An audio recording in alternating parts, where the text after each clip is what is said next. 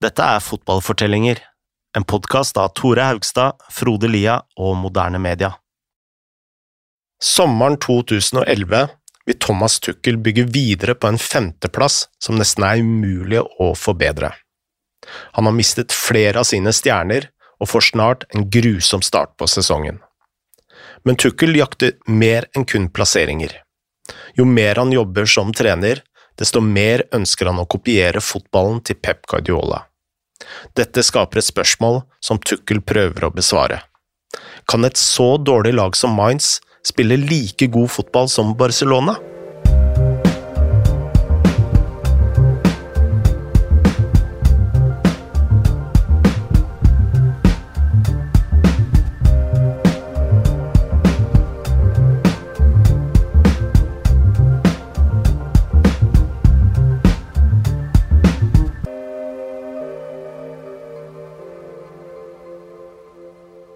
Mange måter burde Tukkel ha gitt seg som trener for Mainz i 2011.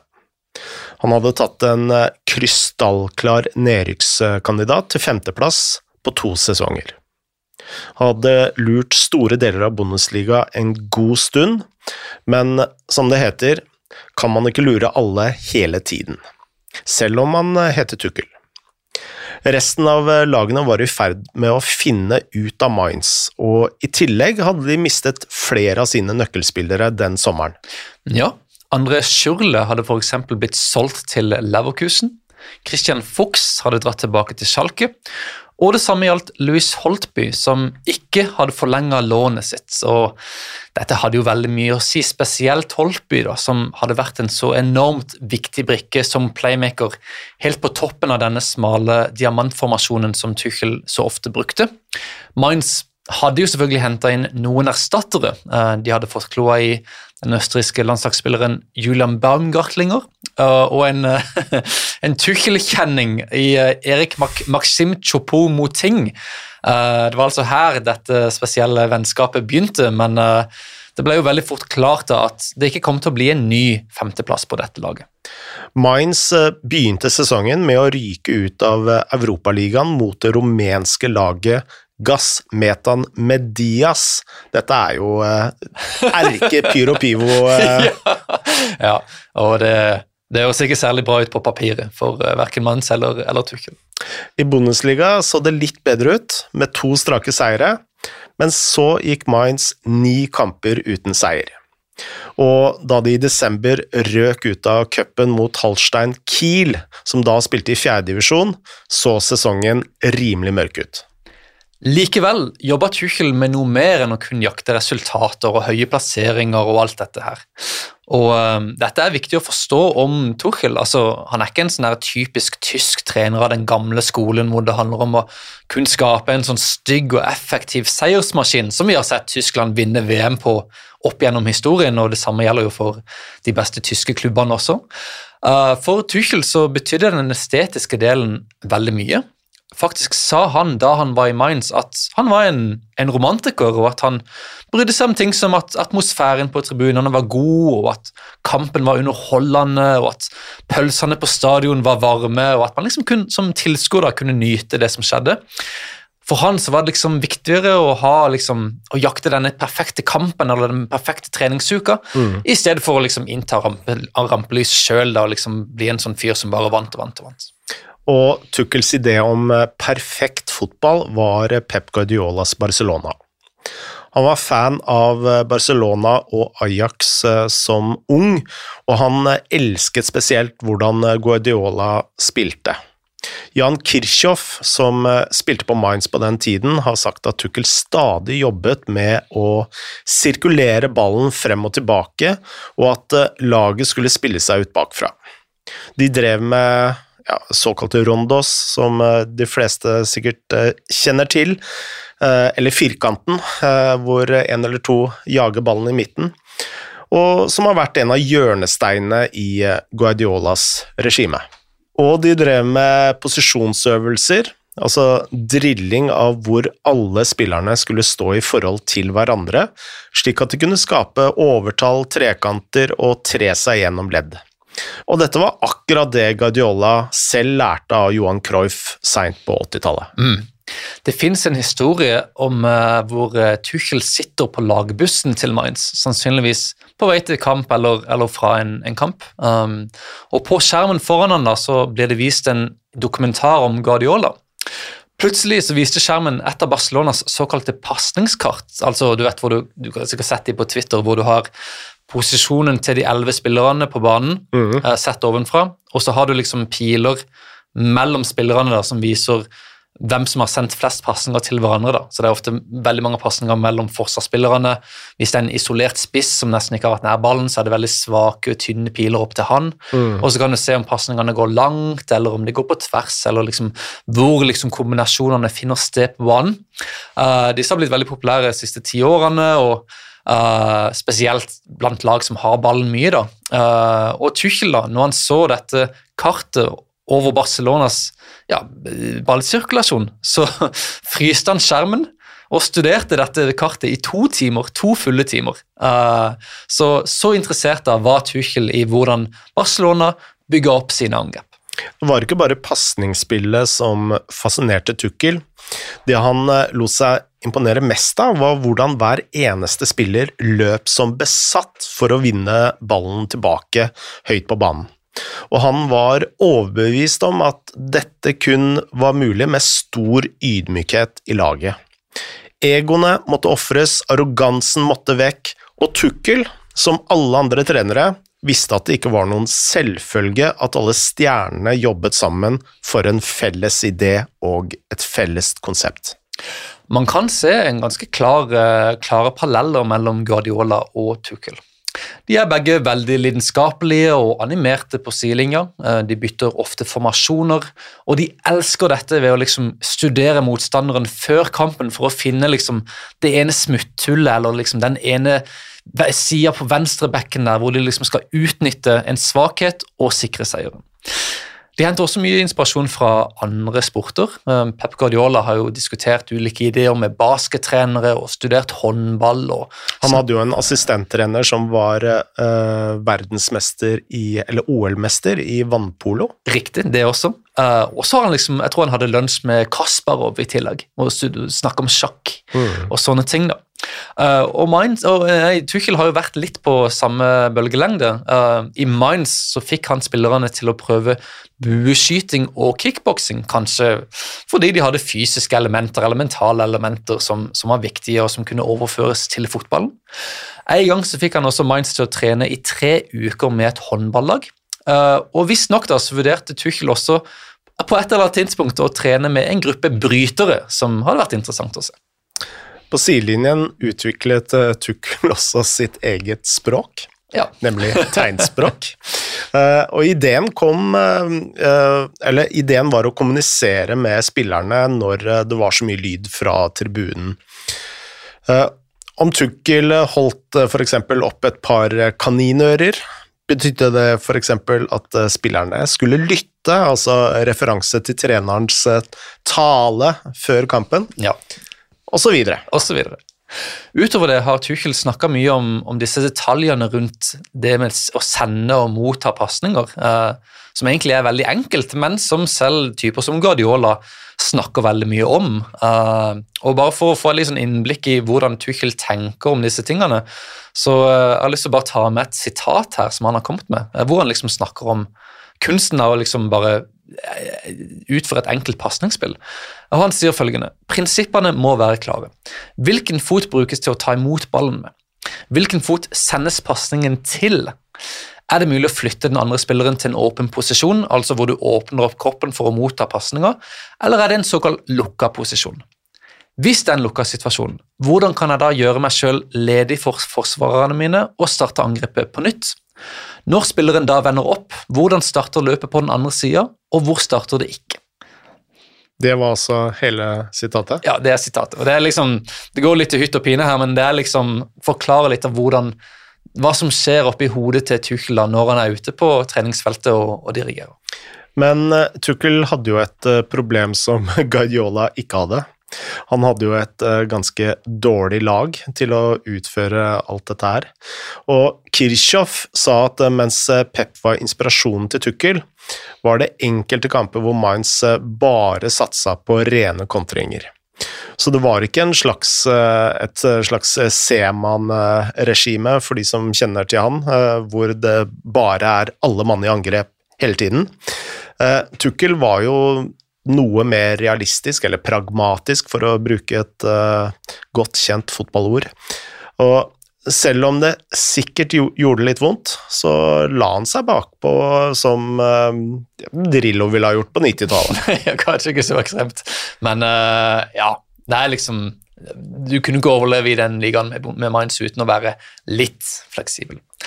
Samtidig så var jo også Tuchel veldig åpen for hva enn som kunne få Mainz til å spille, spille, litt bedre fotball. og Vi har jo nevnt denne tyske taktikksida spillerverlagerung som ble drevet av Martin Rafelt med, med flere, som vi snakka med i forrige episode. Og Jeg har ikke helt funnet ut av akkurat når dette skjedde, men en dag så tok Tuchel kontakt med gutta bak denne sida. La oss høre mer fra Martin om hva som skjedde. They were scanning the, the media uh, after they won against Bayern, and they were searching for like, okay, did someone in the public understand what we did?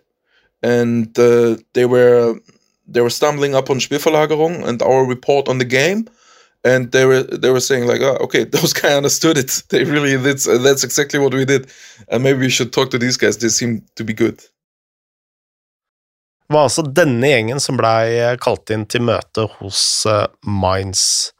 Og det var da Martin, kan vi kalle ham Martin, mm -hmm.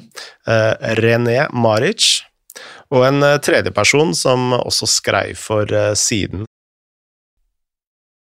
We went to Mainz and, and met with them, and they were like, "Yeah, we would." Uh, uh, like the, the, his his video his video um, analyst um, contacted us and he was like okay we will we will meet and assistant coach is probably coming. I uh, i am not sure if, if thomas has time.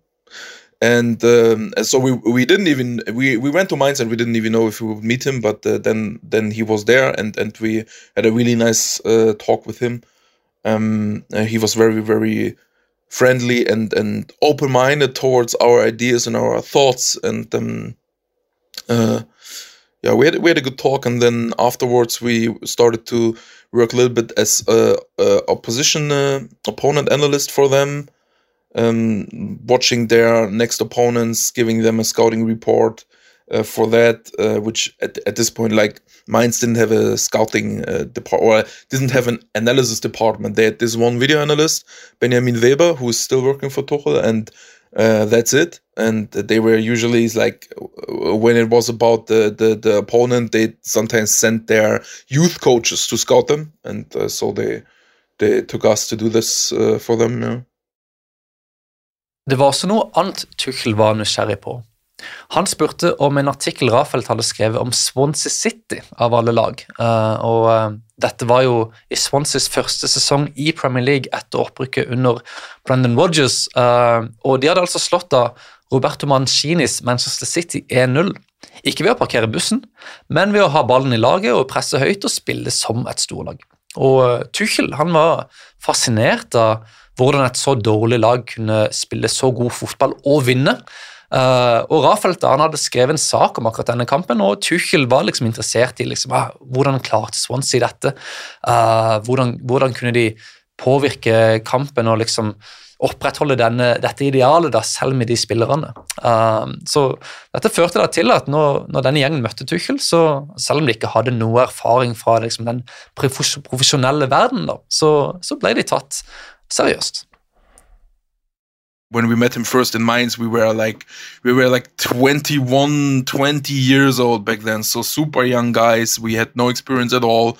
We probably looked like clowns. I don't know, and and he was really open to us. He was really listening to what we are what we are telling him. Had we had really good discussion with us, very very respectful, and took took us uh, more serious than most people probably would. Mainz endte på 13.-plass i 2012. Innen de forberedte seg på en eh, fjerde sesong under Tukkel, var flere av spillerne i ferd med å bli fullstendig utslitt. Den eh, intense og krevende stilen tærte på kreftene. Det hjalp eh, heller ikke at Tukkel ikke akkurat var kjent som noen diplomat. Selv da han var spiller, hadde han simpelthen ignorert de lagkameratene han syntes var for dumme, og da han var trener i Stuttgart, mista han jobben fordi folk rett og slett var lei ham. Men uh, Tuchel kunne også være veldig snill og omtenksom. Uh, Mauren og Chester forteller en historie om da han spilte på Olm. I 1996 dro de på treningsleir til Lanzarote, som for de som er glad i Syden, er en av Kanariøyene. Og uh, plutselig så fikk en av vennene hans der, en, altså en av vennene hans i stallen en telefon fra foreldrene om at kjæresten hadde blitt ramma av spontanabort. Denne vennen ville hjem umiddelbart for å være sammen med kjæresten, men uh, da lagets trener ikke fant noe fly, så tok Tuchel opp telefonen, ringte flyselskapet og skreik ned linja at dette var et nødstilfelle, de måtte gjøre noe. Forsto du ikke denne situasjonen? Og så sta var Tuchel da at selskapet fant plass på en av avgangene, selv om det egentlig ikke var, egentlig ikke var noe ledig. Lagkameraten kom seg hjem og betalte heller ikke ei krone for billetten fordi Tuchel samla sammen penger fra resten av stallen. Og dette skaper et eh, noe kompleks bilde av Tuchel.